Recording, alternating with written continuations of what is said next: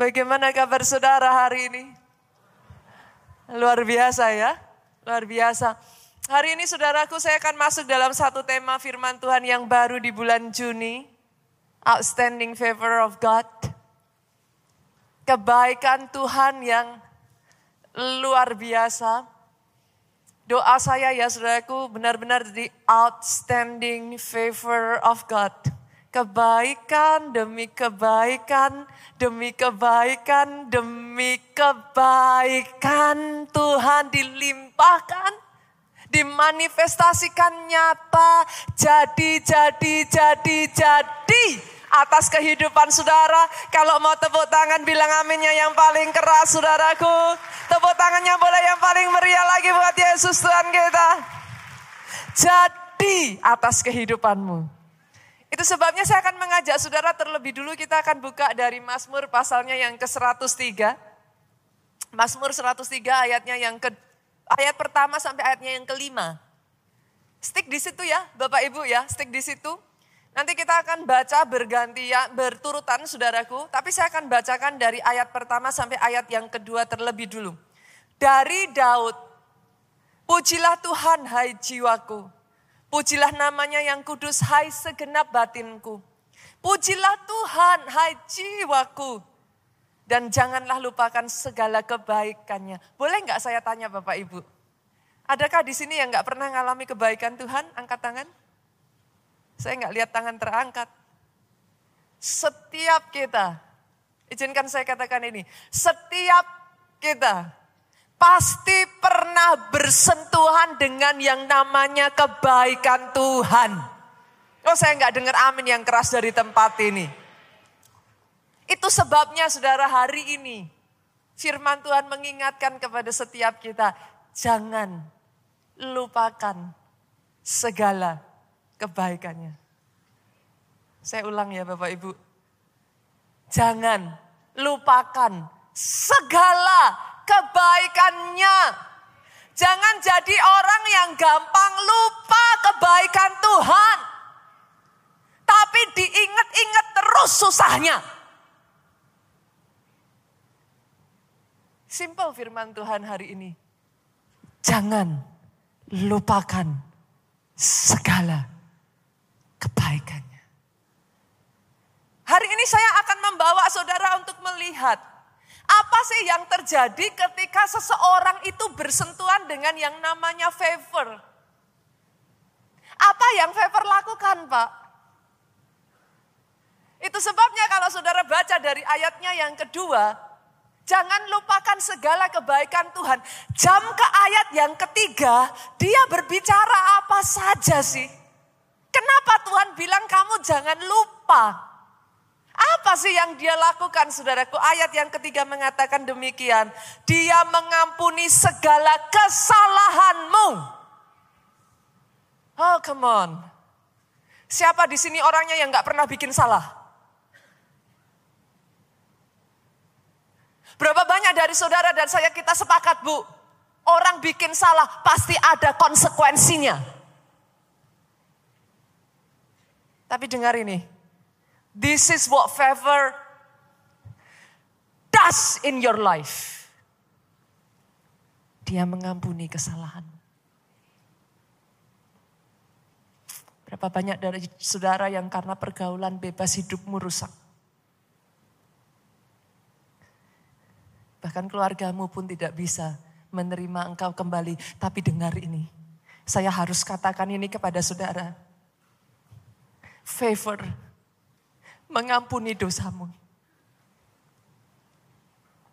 Favor mengampuni segala kesalahanmu. Uh, satu kata ini jadi mengubah segalanya saudaraku. Dia bukan mengampuni satu dua kesalahan lo. Artinya ada kesalahan yang nggak bisa diampuni dan di, di, di, di, di, diselesaikan saudaraku. Tapi dengar pak, kata segala change everything. Apa yang enggak, apa yang kau lakukan yang enggak termasuk di dalam segala? Buat saudara di tempat ini yang saudara berkata kepada saya, Pastor, I've done, I've done worse thing you can imagine.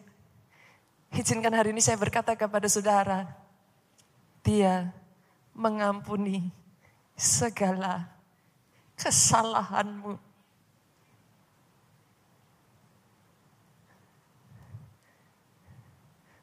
Pak, come back to him. Dia mengampuni kesalahanmu. Kembali kepada dia, terima favor yang daripada Tuhan saudaraku, pengampunan kesalahanmu. Bukan hanya itu saudaraku, apa yang favor lakukan dalam kehidupan seseorang? Dia menyembuhkan segala penyakitmu. Segala. Saudara akan menemukan again and again kata segala ini diulang saudaraku. Pesan pagi hari ini saudara. Dia mau engkau sehat. Dia mau engkau gain your strength back. Dia mau engkau sembuh. Buat saudara di tempat ini yang sempat bertanya-tanya, jangan-jangan ini dari Tuhan, jangan-jangan memang Tuhan mau aku ngalami semuanya, ini dengar ini. Dia mau engkau sembuh. Sembuh engkau di dalam nama Yesus. Favor bukan hanya mengampuni segala kesalahanmu, favor menyembuhkan segala penyakitmu. Kita lanjutkan ayatnya yang keempat, saudaraku. Apa yang favor lakukan? Favor menebus hidupmu dari lubang kubur. Oh, come on. Engkau yang harusnya celaka, engkau yang harusnya binasa. Hmm, Favor tarik engkau balik pak. Dia tarik engkau balik. Saya itu masih ingat sekali ya saudara. Pastor Joe itu pernah mengalami dua kali kecelakaan yang seharusnya mendatangkan maut pak. Kalau bukan karena favor, saya nggak bisa menikah dengan Pastor Joe saudaraku. Kenapa? Karena pada saat Pastor Joe ada di Amerika saudaraku. Pernah Pastor Joe itu mengalami satu kecelakaan ya, itu di jalan tol highway di Amerika itu kendaraannya kenceng-kenceng saudara. Itu kecelakaan mobil dari Pastor Joe itu sampai berputar saudara. Berputar dan apa saudara? Masuk ke jalur yang sebelah. Dengan kondisi mobil yang begitu cepat seperti itu saudaraku. Itu kalau bukan favor Tuhan, saya nggak menikah dengan Pak Jo hari ini, sudah.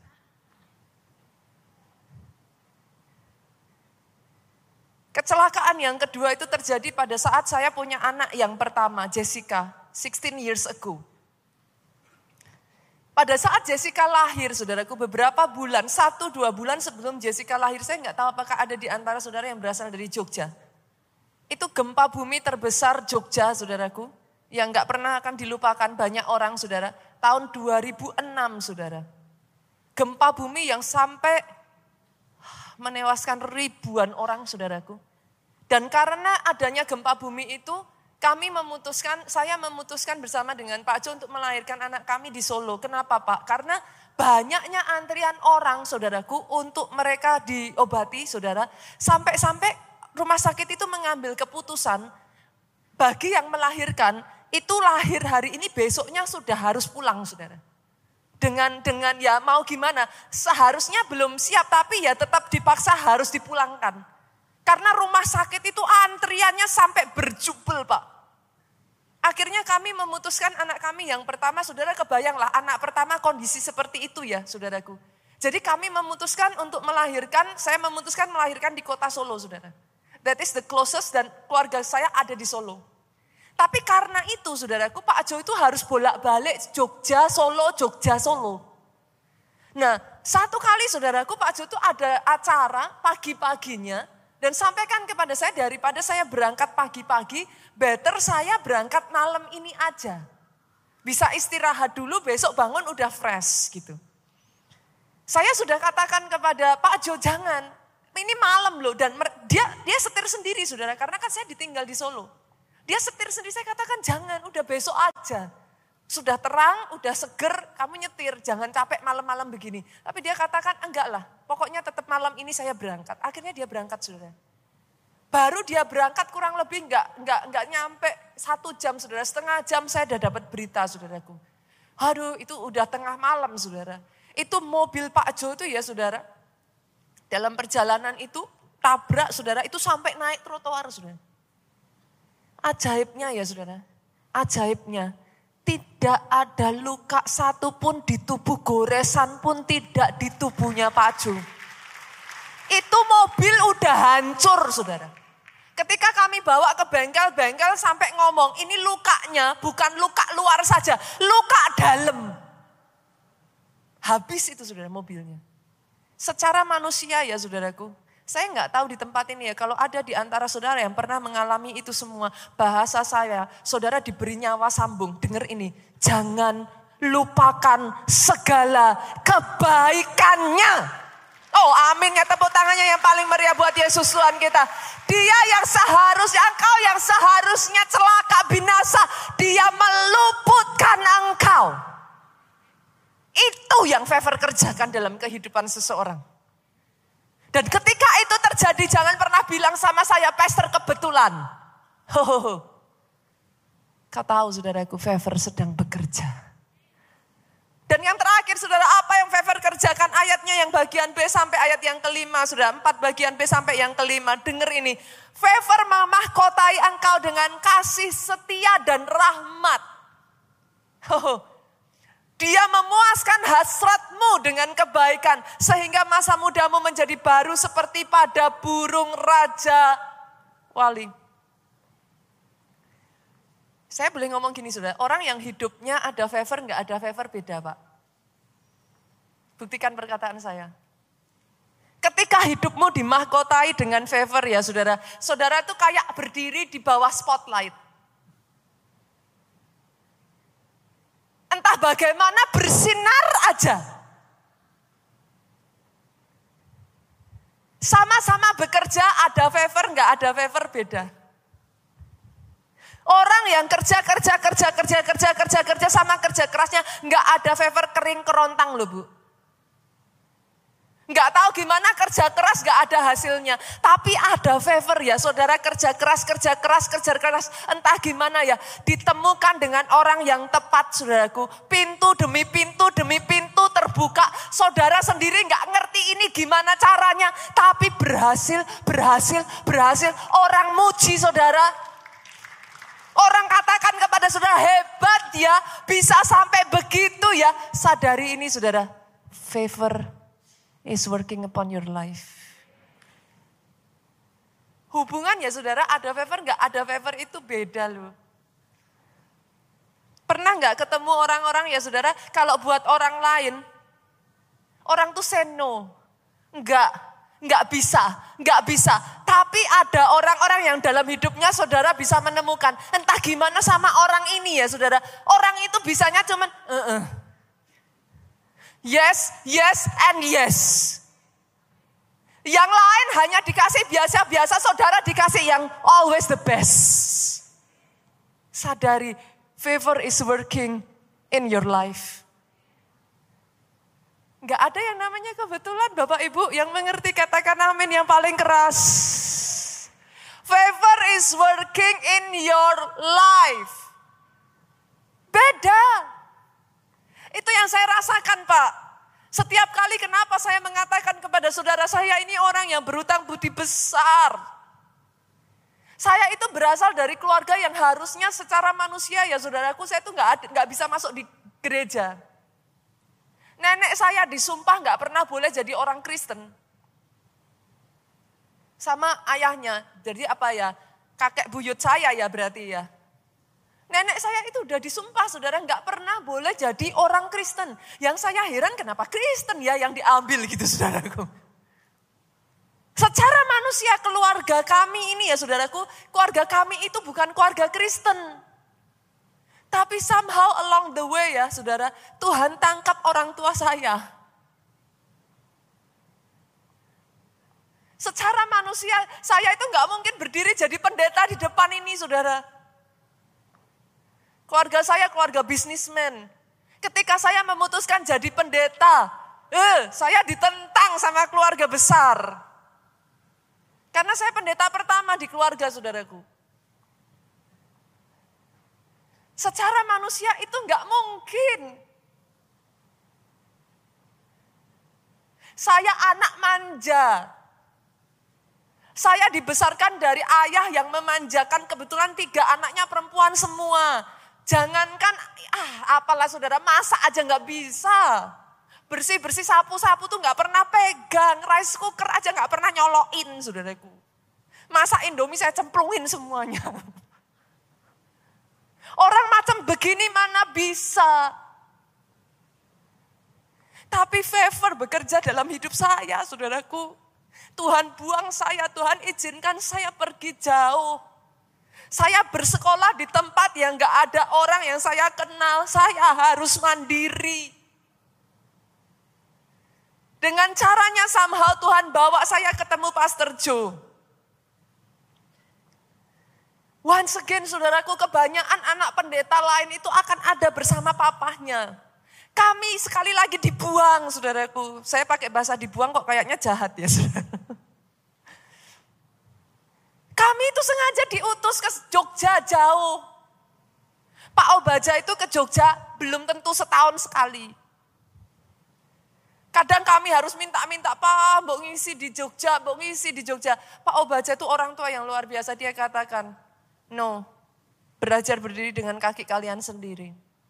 Jangan ada di bawah bayang-bayang papa. Oh, Pak Jo itu jadi pendeta tuh umur 21, 22 loh saudara. Ada di sini yang umurnya 21, 22. Kebayang nggak sih di umur saudara itu kami jadi pendeta. Itu hancur remuk saudara, remuk-remuknya itu udah ringsak saudaraku. Kami nggak punya hikmatnya, kami nggak punya, kami nggak tahu bagaimana berhadapan dengan orang dimarahin kiri kanan. Itu proses yang nggak gampang, tapi favor lah yang bekerja atas kehidupan kami. Dari situlah kami dibentuk sehingga yang saudara lihat di depan saudara sekarang buahnya sudah manis. Tapi itu bukan tanpa tanpa tanpa proses saudaraku. Dengar baik ini ketika favor bekerja atas kehidupan seseorang, dia membuat yang nobody jadi somebody. Seperti seolah-olah ada spotlight saudaraku. Itu yang terjadi bukan hanya dalam kehidupan saya, dalam kehidupan Pastor Joe, dalam kehidupan Pastor Obaja. Pastor Obaja itu berkali-kali mengatakan, saya ini siapa? Saya anak muda yang gak punya masa depan, yang bahkan saudaraku minder kalau ada tamu datang sembunyi di bawah kolong meja. Itu kesaksian dari Pastor Obaja, orang seperti ini apa bisa dipakai Tuhan? In case ada di antara saudara yang berkata, Pastor orang seperti saya apa bisa? Kalau dia bisa kerjakan itu dalam hidup saya, dia bisa kerjakan dalam kehidupan Pastor Obaja, dia bisa kerjakan buat saudara, saudara, saudara, saudara di tempat ini. Oh aminmu yang paling keras, tepuk tangannya yang paling meriah buat Yesus Tuhan kita. Itu yang dia kerjakan buat anak bungsu loh saudara. Masih ingat kisahnya? Definitely he makes a huge mistake. Dia minta harta orang tuanya sebelum waktunya. Orang tuanya berpikir, oke okay lah kasih siapa tahu nanti anaknya jadi dekat. Habis dikasih hartanya dihambur-hamburkan. Bukannya dekat, dia pergi dari rumah saudara. Dia lari dari rumah, dia habiskan, dia foya-foya saudaraku. Dia jatuh dalam dosa sampai dia habiskan harta ayahnya. Setelah habis, oke okay, sekarang sudah habis, dia harus kerja. Tapi bagaimana orang seperti dia mau kerja? Dia nggak tahu cara kerja. Dia kaya dari menghabiskan harta orang tuanya. Dia nggak punya hikmatnya. Dia nggak terbiasa kerja keras. Bagaimana dia bisa kerja? Untuk makan ampas babi aja pak. Dia dilarang sama majikannya, makan ampas babi lo. Apakah kehidupan saudara lebih buruk dari anak ini? Sampai yang muncul di benaknya cuma satu. Aku hanya punya satu harapan. Kalau aku pulang. Alkitab mencatat, anak ini berpikir apakah ayahku masih menerima aku? Ada di sini yang berpikir seperti itu? Apakah bapakku masih menerima aku? Oh dengar ya saudara, saya mau bacakan ayat ini buat saudara. Lukas pasalnya yang ke-15 ayat 20 sampai 22. Oh. Kenapa saya katakan saya itu berutang besar ya saudaraku? Kita punya bapak yang sebaik ini loh saudara. Hei, mau ngomong apa coba saudara?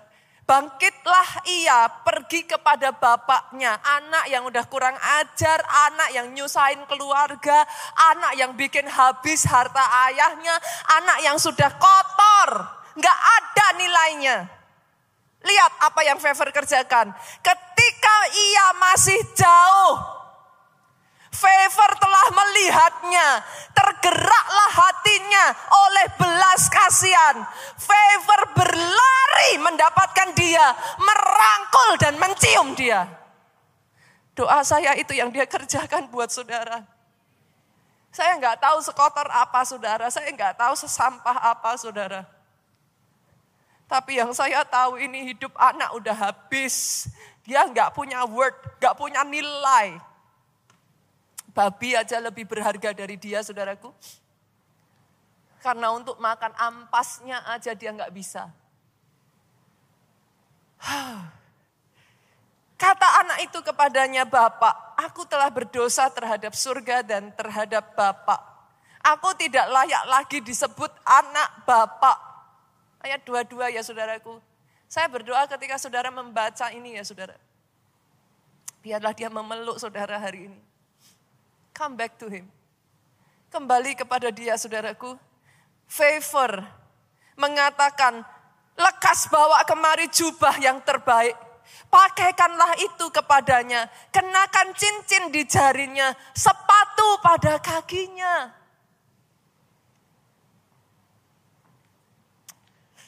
Huh. Kalau mengingat apa yang anak ini sudah lakukan, saudaraku, dia layak dapat apa sih? Ada di sini yang sudah buat Bapak sedih. Favor, memeluk engkau, menyium engkau. Menempatkan jubah itu di pundak, memberikan cincin itu di jari manismu dan menempatkan kaos. Menempatkan sepatu itu di kakimu, alas kaki itu di kaki. Doa saya saudaraku, pribadi lepas pribadi di tempat ini hari ini kau jumpa dengan favor. Kebaikan demi kebaikan, demi kebaikan, demi kebaikan. Jangan lupakan segala kebaikannya. Ini juga yang terjadi saudara. Dalam kehidupan satu orang yang bernama Mordekai. Ketika Favor sudah bekerja ya saudaraku, saya baca hidupnya Mordekai ini saya takjub saudara. Saya udah pernah baca hidup Esther sampai selesai ya saudara. Tapi once again itulah menyenangkannya Alkitab saudara. Mau saudara udah baca berapa kali pun Alkitab itu nanti akan berbicara hal yang baru, hal yang baru lagi buat engkau saudara. Saya tuh baca kehidupan Mordekai ya, apa yang Fever kerjakan ya. Kita mesti kenal dulu ya Mordekai ini siapa ya saudara ya. Ada banyak orang itu salah. Mordekai itu dipikir pamannya Esther. Bukan loh saudara. Mordekai itu bukan pamannya Esther ya. In case nanti ada kakak sekolah minggu di sini ya. Bukan pamannya Esther. Mordekai ini sepupunya Esther. Jadi loh sepupu kok dipikir paman. Saudara pernah nggak kalau orang zaman dulu tuh kan anaknya banyak ya. Bisa sampai 9 sampai 10 kan. Nah anak pertama punya anak nih. Anak terakhir bungsu punya anak saudara. Katakanlah begitu ya. Itu jarak kan bisa jauh sekali saudara. Katakan jarak 20 tahun itu udah kayak paman kayak gitu. Jadi apa? Kalau kita orang Chinese bilang abunya itu udah beda. Apa istilahnya abunya tuh sama, abunya tuh tingkatnya lettingnya sama, sepupu gitu saudara. Tapi sebenarnya umurnya tuh jauh banget. Makanya banyak orang salah sangka dipikir dia itu pamannya Esther. Bukan. Dia itu sepupunya si Esther saudara. Nah siapa mereka? Mereka itu adalah orang Yerusalem bu. Yang dibuang ke Babel. Kebayang gak sih orang buangan tuh kayak apa hidupnya gitu. Kalau boleh saya gambarkan ya saudara, orang buangan tuh nggak punya status. Dia nggak punya status saudaraku. Jangankan harta ya saudara, status itu aja dia nggak punya. Dia nggak tahu gimana caranya hidup saudara, karena pada saat dia dibuang saudara, dia bahkan dalam keadaan yang nggak nggak nggak nggak mustahil udah luka-luka parah saudara. Karena hancur semua, kampung halamannya hancur. Dia dipaksa dibawa saudaraku. Dan si Mordekai ini saudara, dia itu membawa Esther bersama dengan dia. Saya nggak tahu apa yang terjadi, Alkitab tidak menceritakan dengan jelas apa yang terjadi pada papa mamanya Esther saudara. Tapi singkat cerita si Mordekai inilah yang mengasuh Esther. Nah sampai dia di pembuangan itu saudara kebayang nggak sih?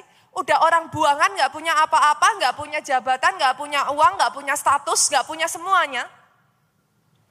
Dia dimusuhi sama pejabat nomor dua langsung di bawah raja. Namanya Haman.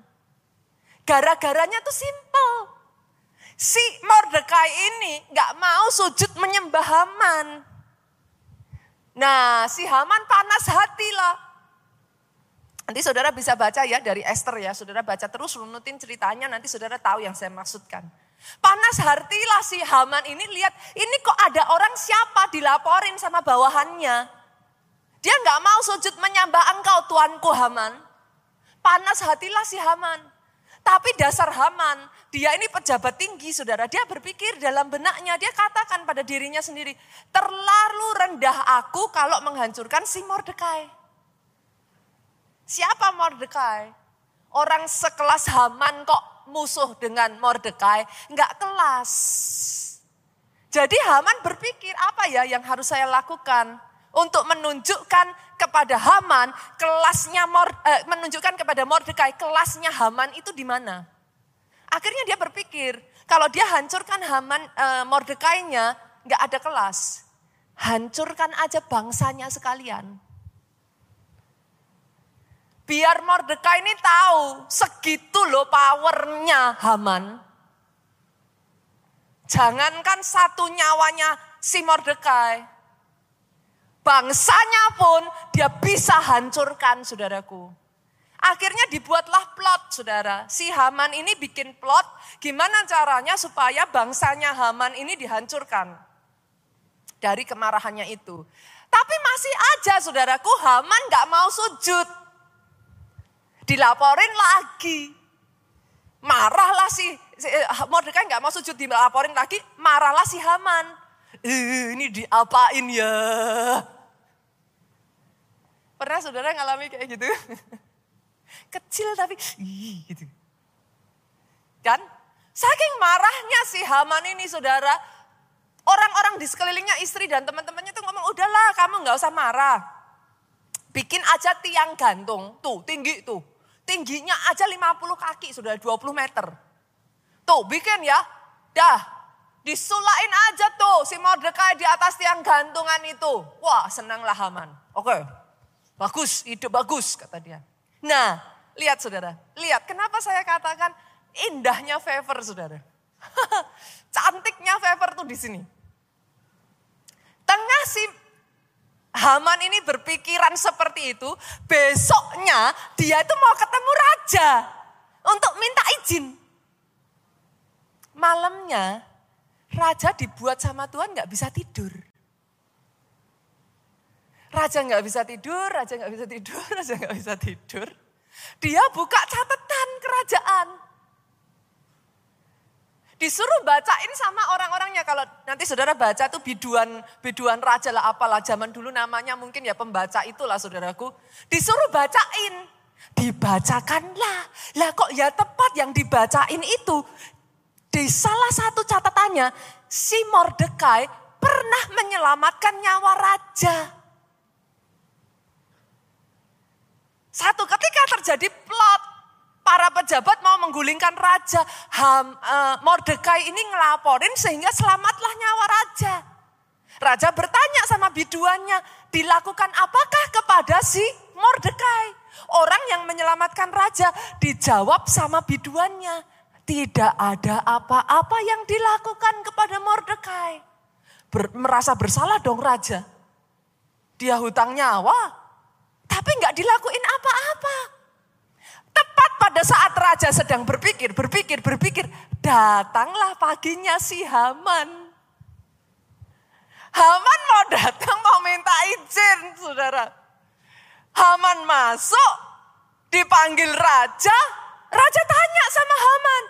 Terhadap orang yang sudah menyelamatkan raja, terhadap orang yang sudah berjasa besar untuk raja.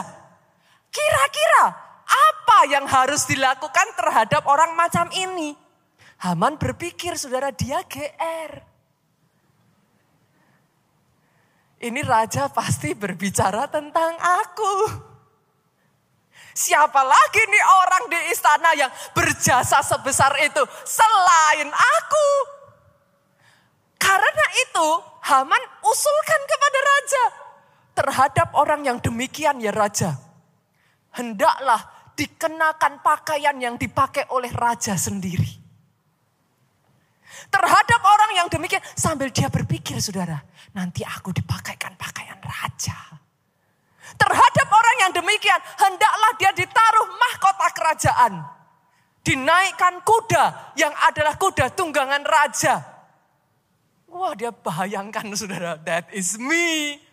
Hendaklah dia diarak keliling kota sambil orang berseru kepadanya, inilah yang dilakukan terhadap orang yang sudah menyelamatkan nyawa raja.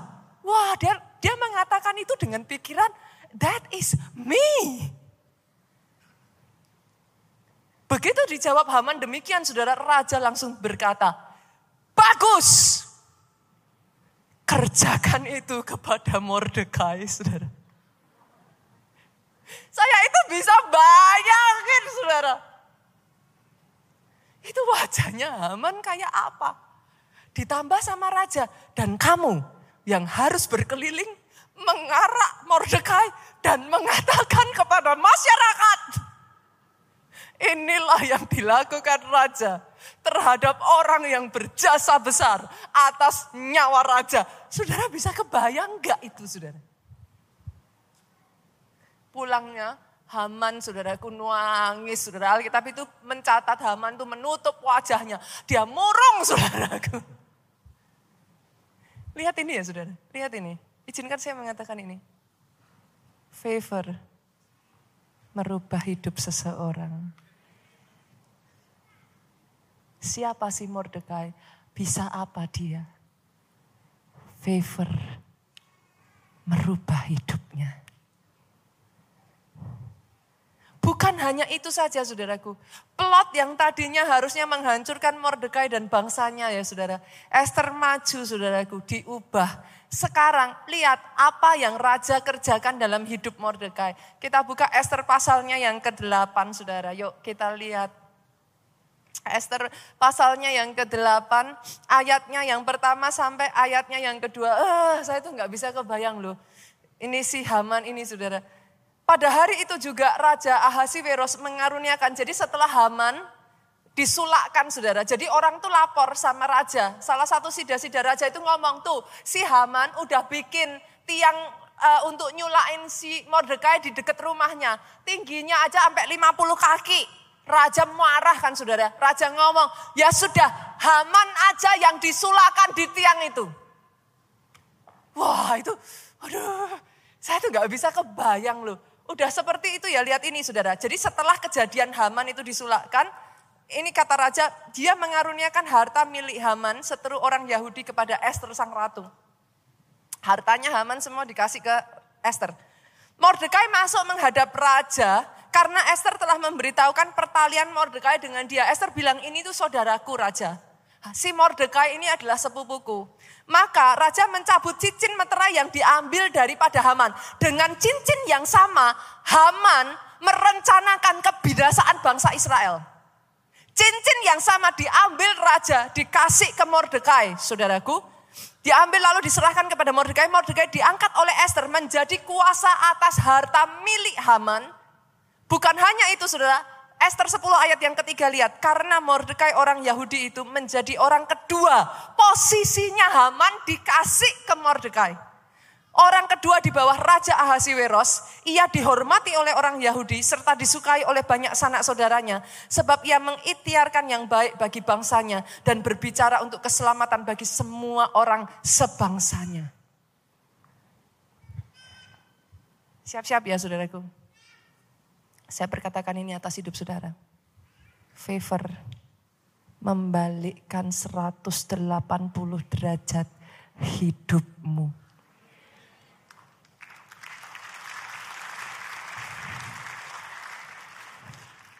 Orang-orang yang dulu mengenal engkau ya, dibuat tidak bisa lagi mengenal engkau.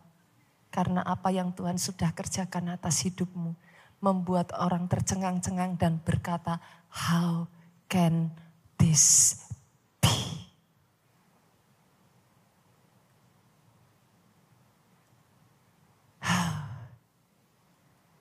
Saya rasa pada di momen ini ya saudara semua tuh sudah ngomong sama saya, Pastor, gimana caranya? Aku juga mau, Pastor. Saya yakin di momen ini ya saudara itu sudah yang, oh, what should I do, Pastor? Dengar ini ya saudaraku. Saya tuh belajar satu hal ini, saudara. Mordekai menabur kebaikan sekalipun. Saya ulang ya. Mordekai menabur kebaikan sekalipun. Pastor, what do you mean? Kalau saudara tahu endingnya bakal seperti itu ya orang berebutanlah ngasuh Esther saudara. Sepakat ya? Tapi pada saat itu saudara harus mengerti loh. Mordekai ini orang buangan loh pak. Sebagai orang buangan, menghidupi diri sendiri aja nggak gampang loh. Apalagi bawa anak diasuh. Saya nggak tahu ya cerita pastinya ya saudara. Tapi kenapa Esther ini jatuh ke tangannya Mordekai? Apakah nggak ada keluarga yang lain yang mau? Kenapa Mordekai? Saya tidak berani menyimpulkan saudaraku. Tapi ada pertanyaan yang sangat banyak di balik semuanya itu. Ujungnya bahwa Mordekai yang mengasuh Esther Bahkan mengasuhnya dengan begitu baik, saudara. Pastor, dari mana pastor tahu apa ada ayatnya? Si Mordekai, segala sesuatu tuh nggak selalu, saudaraku. Harus ditulis ayatnya. Saudara bisa mengambil satu deduksi kesimpulan. Kalau sampai si Esther ini ditarik di barisan orang-orang yang mau dijadikan ratu, menurut saudara, apakah Esther tidak dibesarkan dengan baik? Yang mengerti katakan amin. Dia tidak membesarkan Esther sembarangan saudara. Terlepas dia hanya seorang sepupu. Sama-sama buangan. Dan dia tidak pernah sekalipun menuntut kepada Esther saudara. Untuk membalas jasa. Nah sekarang ya kamu udah jadi ratu ya. Angkat dong nih sepupumu. Gak ada saudara. Eh, Mordekai melakukan semuanya itu tulus. Masih ingat cerita raja tadi saudara? Mordekai ini orang buangan loh saudara. Kelasnya tuh seberapa toh? Untuk dia berani membongkar plot para pejabat tadi saudara. Melaporkan kepada raja. Menyelamatkan nyawa raja. Loh jujur ngomong loh saudara. Berapa banyak yang kalau orang Jawa bilang cari selamat aja lah. Yang mengerti katakan amin. Loh itu resikonya besar loh. Ditambah lagi, habis dia menyelamatkan raja, dapat apa dia? Enggak dikasih apa-apa. Untuk waktu lama, Mordekai enggak dapat apa pun. Dia dilupa Saudara baca ayatnya ada di situ yang ngomong bahwa Mordekai demo. Mordekai protes. Enggak ada. Dengar ini saudaraku. For everything there is a reason. Saya harus mengatakan ini kepada jemaat Tuhan. Ada banyak orang ngelihat seseorang sudah diangkat naik, kepengen yang dipunyai, kepengen berkatnya, tapi enggak kepengen bayar harganya. Pak curang tuh saudara. Orang lihat, oh kok bisa ya sampai kayak gitu ya, kepengen. Tapi enggak tahu. For everything there is a reason. Pada saat semua reason itu dilakukan, yang ada sakit.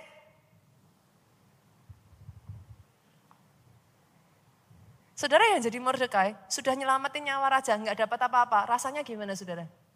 Sakitnya tuh di sini. Sakit tuh saudaraku. Tapi tetap dia lakukan saudara. Bahkan dia tidak kapok terlepas sudah tahu nih. Apakah saudara pikir itu tiang didirikan itu Mordekai nggak denger? Dengerlah.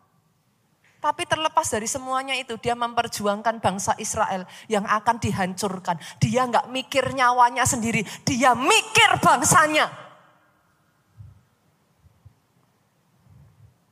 Boleh saya katakan ini sekali lagi saudaraku. For everything there is a reason. Saya pribadi saudara adalah orang yang sangat percaya hukum tabur tuai. Oh yes, I do. Saya hidup di situ. Saya percaya ya ketika saya melakukan kebaikan sekecil apa pun itu. Tidak dibalas pun oleh orang yang sama saudaraku. Tuhan saya entah one day nanti di saat saya membutuhkan kebaikan. Kebaikan itu datang atas hidup saya. Oh that I believe. Buat saya hukum tabur tua itu sepasti pagi hari saudara bangun matahari akan terbit pak. Malam hari nanti digantikan oleh bulan dan bintang. Buat saya hukum tabur tuai sepasti itu.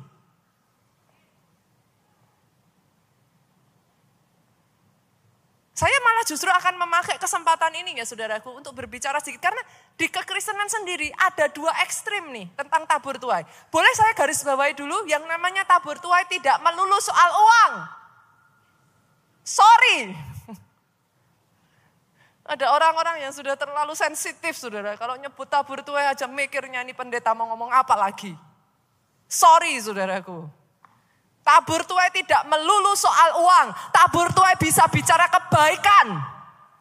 Tabur tuai bisa bicara kerja keras. Tabur tuai bisa berbicara banyak hal. Waktu yang kau tabur, tenaga yang kau tabur, kasih yang kau tabur, banyak hal. Tapi masalahnya, kenapa saya harus luruskan ini? Di kalangan orang Kristen itu beredar dua ekstrim tentang tabur tuai.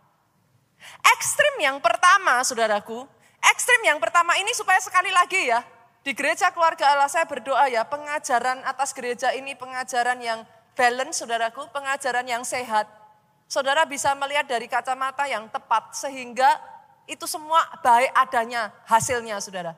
Yang pertama, ekstrim pertama orang menabur supaya dapat sesuatu. Gak bisa disangkal sih, saudara. Ada orang-orang yang berbuat baik memang supaya dapat sesuatu kan. Melakukan yang baik sama saudara supaya, kan gitu. Apa bahasanya apa sih? Ada udang di balik rempeyek gitu kan saudara. Ya ada, emang ada saudara. Orang-orang yang melakukan satu kebaikan itu ada pamrehnya saudara. Nah sebenarnya Tuhan itu berbicara apa sih tentang ini? Tabur tuai ini ya saudara bukan hanya disebutkan di perjanjian lama tapi juga di perjanjian baru loh saudara. Saya bukakan ayatnya ya, yuk kita lihat. 2 Korintus 9 ayat 6 sampai ayatnya yang ketujuh. Apa kata firman Tuhan tentang tabur tuai ini? Camkanlah ini. Disuruh camkan saudara. Artinya apa? Perhatikan ini. Dengar baik-baik ini. Orang yang menabur sedikit akan menuai sedikit juga. Dan orang yang menabur banyak akan menuai banyak juga. Jadi apakah itu kaitannya dengan uang? Apakah kaitannya dengan kebaikan? Apakah kerja keras? Apakah itu kaitannya dengan kasih? Orang yang menabur sedikit akan menuai sedikit. Orang yang menabur banyak akan menuai banyak. Itu hukum kok saudara. Saudara nggak usah ribut-ribut, oh nabur mengharapkan harus nuai ya saudara. Eh, kalau iman saudara udah nyampe, nabur itu pasti nuai. Itu hukum. Itu tuh sepasti matahari terbit pagi hari. Pegang itu baik-baik saudara. Lah ini yang ngomong, yang ngomong Rasul Paulus sendiri loh saudaraku. Rasul Paulus ngomong dilanjutkan apa saudara? Ayat berikutnya ngomong apa? Dengar ini saudara. Hendaklah, nah ini. Masing-masing memberikan menurut kerelaan hatinya. Ayat ini ngomong, kamu nabur dikit, kamu nuai dikit. Kamu nabur banyak, kamu nuai banyak. Tapi belakangnya dikasih. Dijelaskan, hendaklah yang penting kamu itu nabur sesuai kerelaan hatinya. Jangan dengan sedih hati atau karena paksaan. Sebab Allah mengasihi orang yang memberi dengan sukacita. Pastor, berarti terhadap orang yang nabur dia mengharapkan sesuatu pamrih itu gimana? Tuhan nggak mau. Kenapa? Karena Tuhan mengasihi orang yang menabur dengan sukacita. Orang yang menabur dengan sukacita itu definisinya apa? Tidak dengan paksaan. Dengan kerelaan hati.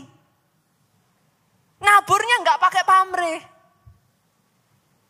Sampai di sini bisa nangkep ya Bapak Ibu ya. Oke ya, ini ekstrim pertama ya. Tapi juga ada ekstrim kedua. Ini yang jadi masalah. Ekstrim kedua ngomong kayak gini, menabur tapi nggak boleh berharap menuai sama sekali.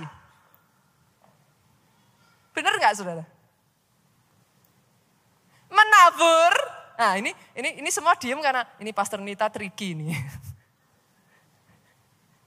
Yang satu menabur tapi berharap. Tadi saya kasih ayat di satu Korintus. Saudara mikir dong, berarti Tuhan suka orang yang nabur, nggak pamrih kan? Tapi yang kedua, ngomong gantian. Kalau nabur, nggak boleh pamrih ya. Nabur, nggak boleh berharap apa-apa ya. Bener apa nggak sudah? Saya bukain ayatnya lagi ya. Ih, Alkitab itu nyenengin kok saudara. Saya tuh paling seneng. Alkitab itu ya, apa bahasa saya ya saudara? Saudara tuh nggak bisa ngambil satu ayat aja gitu. Satu kesatuan Alkitab itu satu dengan yang lain saling bertalian. Jangan pakai satu ayat saja saudaraku. Pakai ayat yang lain juga. Nanti satu dengan yang lain. Ayat-ayat dalam Alkitab akan menjelaskan dirinya sendiri. Itu menyenangkannya Alkitab saudara. Yuk kita lihat ya. Saya bukakan buat saudara di Lukas pasalnya yang ke-6. Sorry, sorry, sorry, sorry. Ya, Lukas pasalnya yang ke-6 ayat 31 dan lompat ke 38. Saya bacakan buat saudara. Nah, Ayat ini ngomong gini saudara, sebagaimana kamu kehendaki supaya orang perbuat kepadamu, perbuatlah juga demikian kepada mereka. Oke? Okay? Kalau saudara mau orang lain sopan sama saudara, sopanlah sama orang lain. Kalau saudara mau orang lain menghargai saudara, hargailah orang lain. Saya tanya, itu ada pengharapan nggak di situ? Loh, Yesus itu malah nyuruh, ini ayat ditulis, ini yang ngomong Yesus sendiri saudara. Yesus nyuruh saudara berharap begitu memang. Saya ulang ya. Saya ulang ya. Apa yang engkau ingin orang lain perbuat kepadamu, perbuatlah demikian kepada orang lain. Berarti kan disuruh toh saudara. Jadi kalau orang mau kamu mau orang itu ngelakuin ini, lakuin dulu sama orang itu demikian kan gitu. Ayat 38, nah saya lanjutkan, ini lebih seru lagi. Ayat ini ngomong gini saudara. Mana tadi ayatnya? Nih ayat 38 ngomong gini saudara. Berilah dan kamu akan diberi. Ini yang ngomong Yesus loh saudara. Suatu takaran yang baik, yang dipadatkan, yang digoncang, dan yang tumpah keluar akan dicurahkan ke dalam ribaanmu. Sebab ukuran yang kamu pakai untuk mengukur diukurkan kepadamu. Ini jadi lebih lebih complicated lagi ya saudara, lebih seru lagi ya. Yesus sendiri ngomong, berilah, maka kamu akan diberi. Berarti gimana? Halo? Kalau nabur boleh nggak berharap? Ini sunyi senyap nih saudara. Berilah, kamu akan diberi satu takaran yang dipadatkan. Artinya apa? Kalau kamu ngasihnya asal-asalan, ya kamu dikasihnya juga asal-asalan. Tapi kalau kamu memberi yang terbaik, kamu juga diberi yang terbaik. Loh itu Yesus sendiri yang ngomong. Saya bukain lagi ayat lain ya saudara. Ini ayat lebih akan mengagetkan saudara lagi. Oh lihat saudara. Matius 19 ayat 27. Sampai ayat yang ke-29. Ini ayat akan lebih mengagetkan saudara lagi. Satu hari Petrus datang sama Yesus. Petrus ngomong gini. Kami ini telah meninggalkan segala sesuatu dan mengikut engkau. Jadi apakah yang akan kami peroleh? Ini jelas ya saudara? Jelas ya? Ini bicaranya sudah sangat jelas sekali loh. Petrus datang sama Yesus ngomong, Yesus aku ini udah ninggalin semuanya nih. Aku ngerjain semua buat engkau. Kami dapat apa? Kata Petrus. Lihat ini saudara, ayat 28 Yesus jawab apa? Aku berkata kepadamu, sesungguhnya pada waktu penciptaan kembali kerajaan seribu tahun saudara, apabila anak manusia bersemayam di tahta kemuliaannya, kamu yang telah mengikut aku akan duduk juga di atas 12 tahta untuk menghakimi kedua belas suku Israel. Boleh perhatikan ke depan Bapak Ibu? Kalau Yesus nggak suka, waktu Petrus ngomong, Tuhan, aku ini sudah ninggalin semua loh. Ngikut engkau loh, aku dapat apa? Kalau Yesus nggak suka, masuk akal nggak? Yesus akan jawab gini, kurang ajar kamu. Berani-beraninya minta. Make sense nggak saudara? Iya dong. Setidaknya Yesus akan ngomong, sudah itu bukan urusanmu. Bener kan? Karena pada saat Yesus naik ke surga, orang Israel tanya soal pemulihan kerajaan, Yesus ngomong, itu bukan urusanmu. Tapi lucunya di kasus ini, Yesus jawab, kamu pada saat nanti penciptaan kembali kerajaan seribu tahun, kamu akan duduk memerintah bersama-sama di atas 12 tahta. Dijawab Yesus sudah. Bukan hanya itu, nah ini ini ini jawaban yang ah saya berharap saudara bisa nangkap perkataan saya ini saudara. Yesus ngomong kayak gini. Dan ayat 29, setiap orang yang karena namaku meninggalkan rumahnya, saudaranya laki-laki, saudaranya perempuan, bapak atau ibunya, anak-anak atau ladangnya. Dengar ini saudara. Akan menerima kembali seratus kali lipat. Ini yang ngomong siapa saudara? Ada di sini yang sensi dengan kata seratus kali lipat?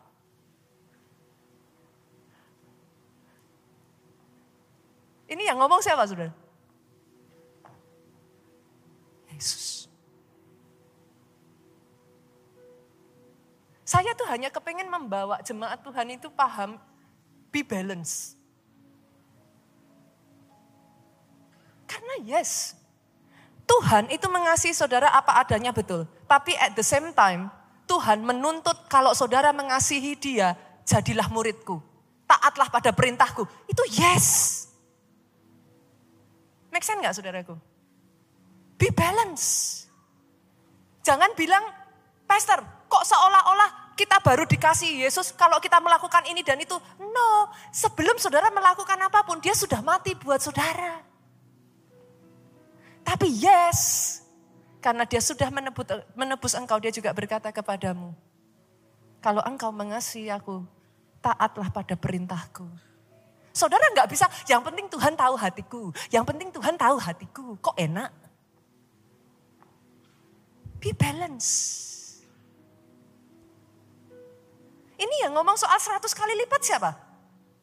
Saudara mau nentang perkataan Yesus sendiri. Ini bahkan bukan Paulus loh. Bukan Rasul loh yang ngomong. Ini Yesus. Artinya saudara, yes, Ketika kau melakukan yang terbaik untuk Tuhan, ada upahmu. yes. Ada upahmu baik di bumi, tetapi yang lebih penting, lihat. Yesus lanjutkan dia berkata apa saudaraku? Ini yang dia katakan. Dan akan memperoleh hidup yang kekal. Berarti pastor, ini pastor bikin saya tambah bingung deh pastor. Boleh apa nggak boleh pastor? Kalau saya nabur, saya mengharapkan ada tuayan. Nah lo, bingung toh? Saya bukain ayat lagi ya. Ah, biar enek saudara. Saya bukain ayat lagi. Semua itu ya, sebenarnya ya saudaraku, simpel sekali kok. Ayat itu akan menjelaskan dirinya sendiri. Saudara tafsir itu boleh, ada ilmunya tafsir. Tafsir itu harus benar sesuai dengan firman. Di gereja kita, kita nggak asal saudara. Sorry, kita nggak asal. Ada kebenaran firmannya. Karena nggak boleh saudara asal. Nih ya, yuk kita buka. Matius 6 ayat 31 sampai 33. Oke ya. Kita lihat ya nanti Yesus ini sedang berbicara soal apa. Sebab itu jangan kamu khawatir dan berkata, apakah yang akan kami makan? Apa yang akan kami minum? Apa yang akan kami pakai? Ini bicara soal apa saya tanya Bapak Ibu? Bicara soal urusan kerajaan surga? Hah? Apa yang kami makan? Apa yang kami minum? Apa yang kami pakai? Fashion saudara aja Tuhan bicara loh saudara. Ini bicara soal apa? Urusan jasmani. Kan ayat berikutnya ngomong gini, 32. Semua itu dicari bangsa-bangsa yang tidak mengenal Allah. Yesus tuh ngomong, kamu tuh jangan khawatir urusan makanan, minuman, pakaian. Itu semua dicari bangsa-bangsa yang tidak mengenal Allah. Tapi, nah ini loh, Yesus tuh suka sekali pakai retorika, saudara. Habis dia ngomong gitu, ayat berikutnya ini ngomongnya, lanjutannya kalimatnya ngomong kayak gini. Akan tetapi Bapakmu yang di surga tahu bahwa kamu memerlukan semuanya itu. Wah, Yesus itu pribadi yang sangat menarik sekali, saudara. Saya itu setiap kali mempelajari firman ya, saya itu selalu emis. Retorikanya itu. Kadangkala Yesus tuh bisa apa ya? Dia ngomong, apa? Kamu khawatir soal makanan, minuman, pakaian? Itu semua dicari bangsa-bangsa yang tidak mengenal aku. Tapi habis itu dia ngomong, tapi Bapakmu tahu, engkau butuh itu. Jadi Yesus itu tidak mengabaikan itu semua Bapak Ibu. Bapakku tahu engkau butuh. Terus tapi kenapa? Yang dia mau kalau gitu seperti apa? Yesus nyuruhnya gimana? Ayat 33 saya bacakan. Saya berdoa saudara bisa mengerti ini. Tetapi carilah dahulu kerajaan Allah dan kebenarannya. Maka semuanya itu akan ditambahkan kepadamu. Maksudnya gimana Pastor? Yes, hukum tabur tuai itu ada saudara. Engkau menabur sedikit, engkau menuai sedikit. Jangan membohongi dirimu sendiri. Tapi sekalipun hukum tabur tuai itu ada, Tuhan suka orang yang memberi dengan kerelaan. Sukacita, bukan paksaan, tapi dengan sukacita. Tangkap ini ya saudaraku. Oke ya. Berarti kalau gitu boleh nggak berharap pastor? Tuhan ngomong, diingatkan lagi. Aku tuh tahu, kamu punya semua kebutuhan itu. Tapi boleh nggak sih? Fokusnya jangan seperti orang dunia yang nyari perkara-perkara dunia di bawah. Yesus tuh ngomong, fokusnya kerajaan Allah dulu yuk. Karena kalau kamu menjalankan hukum tabur tua itu ya saudaraku. Fokusmu benar kepada kerajaan Allah. Dengar ini, semuanya itu apa? Semuanya itu tuh apa? Makanan, minuman, pakaian, semua yang dicari oleh bangsa di dunia itu malah sama Tuhan ditambahkan semua kepadamu. Saudara bisa dapat pandangan yang balance ya, yang seimbang ya saudaraku ya. Bisa mengerti ya saudara? Doa saya itu jadi atas hidupmu. Sejak dari hari ini ya saudaraku. Firman hari ini mengingatkan kepada saudara, jangan lupakan segala kebaikannya. Jangan mau bekerja dengan kekuatanmu sendiri. Izinkan favor bekerja atas hidupmu. Hari ini saudaraku, saya akan melangsungkan perjamuan kudus saudara. Buat saudara yang sudah menerima roti dan anggur ini boleh saudara angkat boleh saya tanya saudaraku kalau ada yang belum menerima boleh lambaikan tangan saudara. Petugas akan membantu saya melihat tangan terlambai di kiri pak. Maaf, di kiri. Ya, ada lagi? Tangan silahkan saudaraku. Ada lagi saudara? Ada? Oke. Okay. Inilah saatnya perkenanan.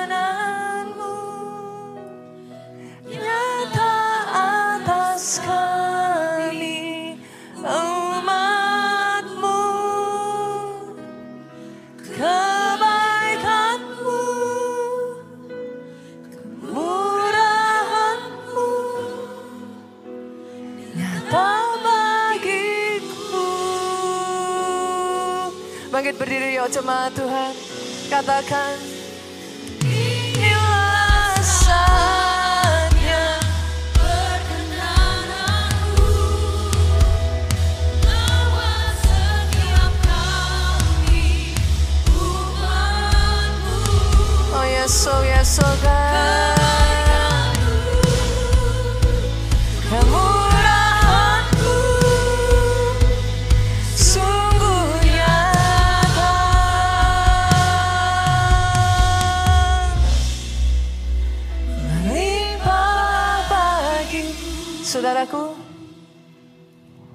Angkat tanganmu, satu tanganmu tinggi-tinggi saudara.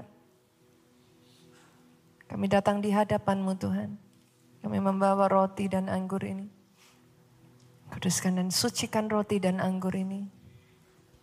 Pakai setiap para pelayan perjamuan kudusmu Tuhan.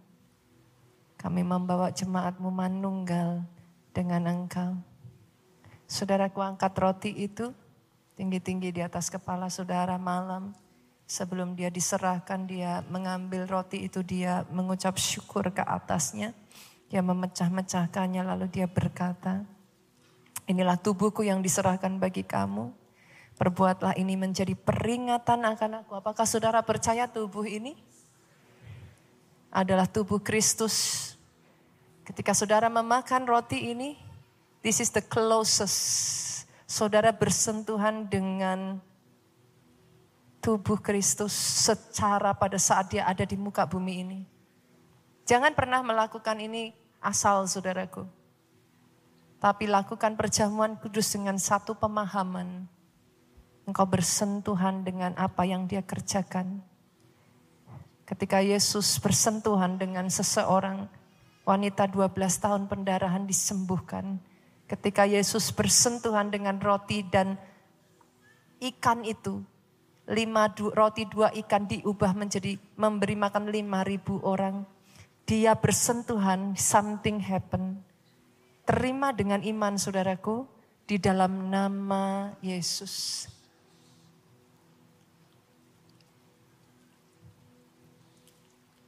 Angkat cawan itu tinggi-tinggi di atas kepala saudara. Demikian ia mengambil cawan itu. Sesudah ia makan, lalu berkata, cawan ini adalah perjanjian baru yang dimeteraikan oleh darahku. Perbuatlah ini setiap kali kamu meminumnya menjadi peringatan akan aku. Apakah saudara percaya cawan yang saudara angkat tinggi-tinggi ini? Darahnya dicurahkan buat saudara dan dengar ini oleh bilurnya. Oh, engkau sembuh. Dia memulihkan ketika darah itu mengalir saudaraku. Dia refresh kembali apa yang mati dalam tubuhmu. Dia perbaiki setiap bagiannya. Dia menyehatkan engkau. Dia memulihkan hidupmu. Dia mengampuni dosamu Kita terima dengan iman saudara di dalam nama Yesus.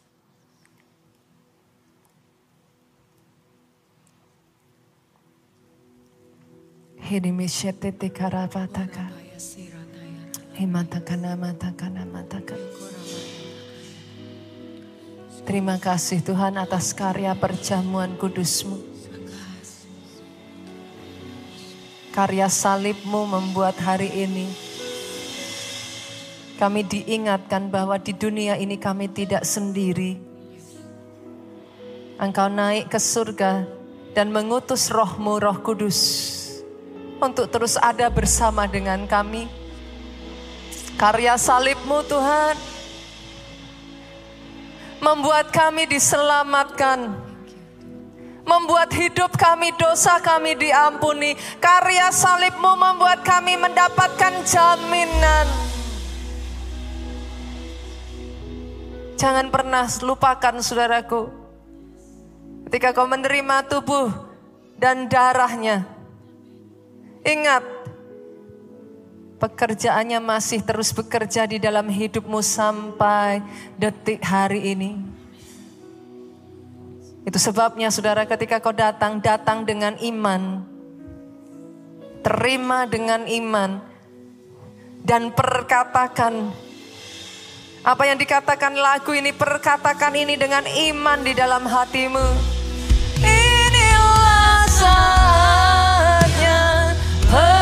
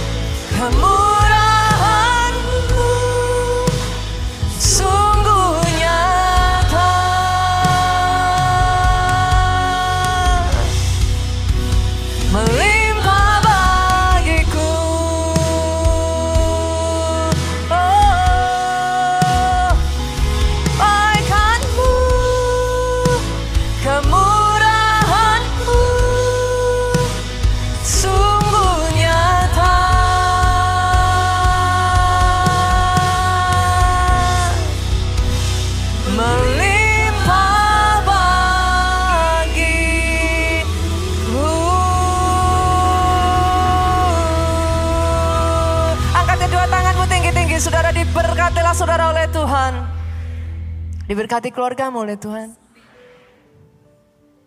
Apa yang dikerjakan tanganmu dibuatnya berhasil. Kiranya sehatlah tubuhmu saudaraku. Baik jiwamu. Oh, kuat rohmu. Panjang umurmu. Untuk menceritakan segala kebaikan, keajaiban, perbuatan dahsyat yang daripada Tuhan. Pulang Bawalah sukacita damai sejahtera Allah Bapa dari tempat ini.